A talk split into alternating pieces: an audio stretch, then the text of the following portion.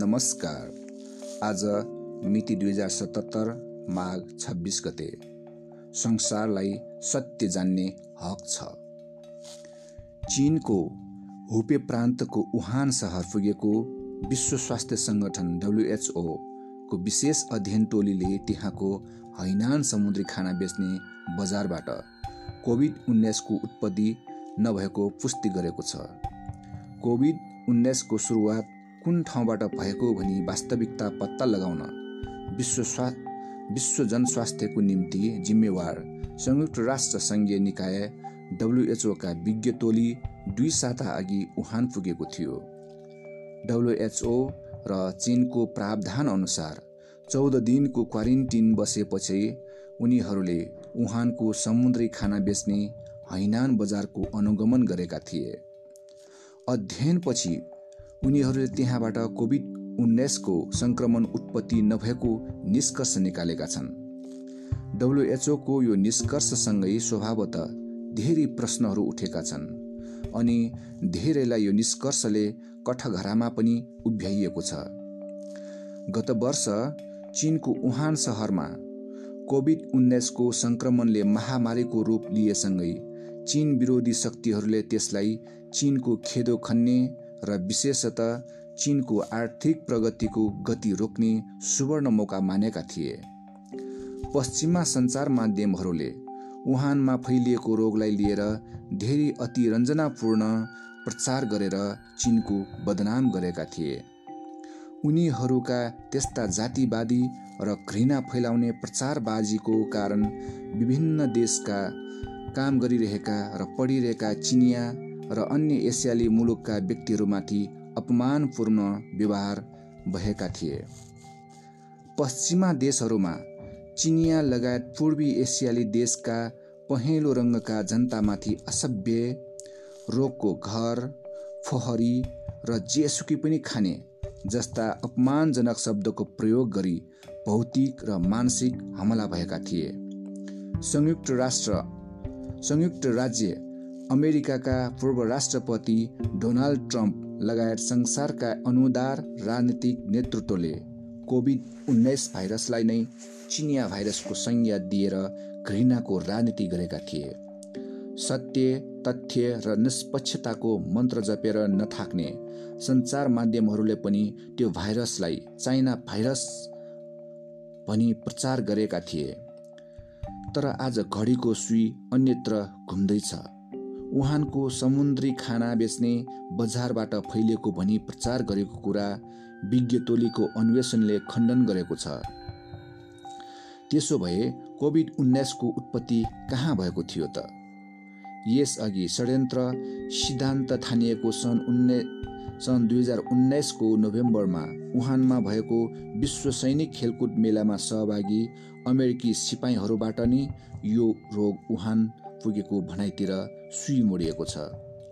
संयुक्त राज्य अमेरिकाको संसदीय सुनवाईमा सांसदहरूले सोधेका प्रश्नको उत्तरमा सङ्क्रामक रोग नियन्त्रण केन्द्र सिडिसीका अधिकारीहरूले त्यसअघि निमोनिया भन्ठानिएको सङ्क्रामक रोग नै कोभिड उन्नाइस हुन सक्ने बताएका थिए।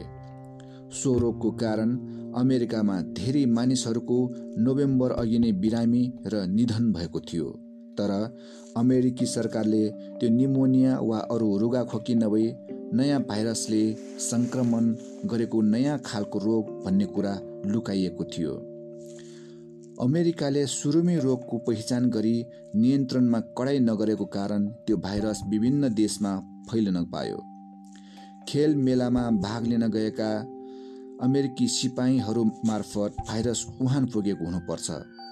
त्यहीँबाट वुहानमा महामारीको रूप लियो तर अमेरिकाले आफ्नो कमजोरी छोप्न चिनको बदनाम गर्यो। त्यस अर्थमा केही विश्लेषकहरू यसलाई चिन विरुद्ध संयुक्त राज्य अमेरिकाको किटाणु युद्ध पनि भन्छन्। अमेरिकाको डेट्रोटमा बन्द गरिएको सैनिक प्रयोगशाला खासमा किन हतारमा बन्द गरिएको थियो? यसको जवाफ अझै पनि रहस्यको गर्भमै छ। महामारी निवारणको लागि आज संसारले खोप आविष्कार गरिसकेको छ र प्रयोग पनि गर्न थालेको छ। तर संसारलाई झन्डै एक वर्ष ठप्प बनाएको र दसौँ लाख मानिसको मृत्युको कारण बनाइएको भारत भाइरसको मूल उत्पत्ति र त्यसको निम्ति जिम्मेवार पक्षको खोज भने चालु नै रहनुपर्छ। संसारलाई वास्तविकता बुझ्ने हक छ। धन्यवाद।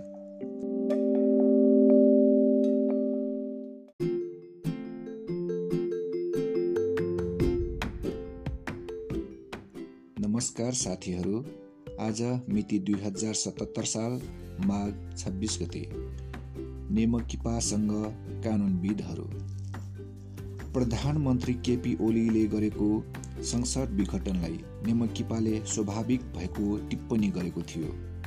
संसद विघटन प्रतिगामी असंवैधानिक अप्रजातान्त्रिक र अवैध भनी राजनीतिक दलले टिक्का टिप्पणी गरिरहेको बेला नेमकिपाले संसद विघटन स्वाभाविक कदम हो भन्ने टिप्पणी गरेपछि राजनीतिक वृत्तमा नेमकिपाको थप चर्चा भयो। संसदीय व्यवस्थामा संसद विघटन गर्ने अधिकार प्रधानमन्त्रीसँग हुने नेमकिपाको थम्याई या भनाइलाई देशका दर्जनौँ वकिल कानुनविद न्यायाधीश र महान्यायाधीश वक्ताहरूले पनि डोराइरहेका छन्। प्रधानमन्त्रीको उक्त कदमलाई कानुनविदहरूले राजनीतिक निर्णय मानेका छन्। राजनीतिक निर्णयलाई अदालतले हस्तक्षेप गर्न नमिल्ने भनाइ कानुनविदहरूको हो। झन्डै दुई तिहाई मत प्राप्त भएको प्रधानमन्त्रीलाई आफ्नै दलका नेताहरूले अविश्वास प्रस्ताव राखी हटाउने प्रयास देखिएपछि आफू सत्ताच्युत हुनुको सट्टा ताजा जनादेशको लागि निर्वाचनमा जाने प्रधानमन्त्री ओलीको हाँकलाई कुनै पनि दलले सामना गर्नुपर्छ भन्ने नेमकिपाको थम्याइ हो। विघटन गर्ने प्रधानमन्त्रीको राजनीतिक निर्णयलाई संविधानले नरोक्ने कानुनविदहरूको विचार समय सान्दर्भिक नै देखिन्छ। संसद पुनस्थापना हुने या नहुने कुरा अहिले विचाराधीन छ। त्यसबारे सर्वोच्च अदालतले विचार पुर्याएर निर्णय गर्नेछ। मानौ संसद पुनस्थापना भयो भने देशमा राजनैतिक अस्थिरता देखा पर्छ या सरकार अस्थिर हुन्छ। झन्डै दुई तिहाई मत प्राप्त सरकारले गर्न नसकेको काम। अर्को नयाँ सरकारले गर्ला भन्ने विश्वास कसरी गर्ने? केपी ओलीको ठाउँमा पुष्पकमल माधव नेपाल या शेरबहादुर देउवाको नेतृत्वमा सरकार गठन भए पनि केही फरक पर्दैन। गठबन्धनको सरकारले झन देशको दिशानिर्देश गर्न सक्दैन। गठबन्धनको सरकार फेरि भागबन्दामा केन्द्रित हुनेछ र सरकार भागबन्दामै अल्झिरहनेछ। नेमकिपाले नेपालको कम्युनिस्ट पार्टी र कम्युनिस्ट पार्टीको आन्दोलनलाई मात्र मार्गनिर्देश गरिरहेको छैन। देशकै लागि बाटो देखाउने काम गरिरहेको छ। देश काल र परिस्थितिको अध्ययन र अनुभवकै आधारमा नेमकिपाले शान्ति स्थिरता स्वाधीनता र सार्वभौमिकताको निम्ति आवाज उठाइरहेको हो। यो देशको आवश्यकता हो माग हो। आवश्यकता र माग अनुसार नै देश अघि बढ्नुपर्छ। देश अघि बढाउन सरकार र राजनीतिक दल र जनता लाग्नुपर्छ। धन्यवाद।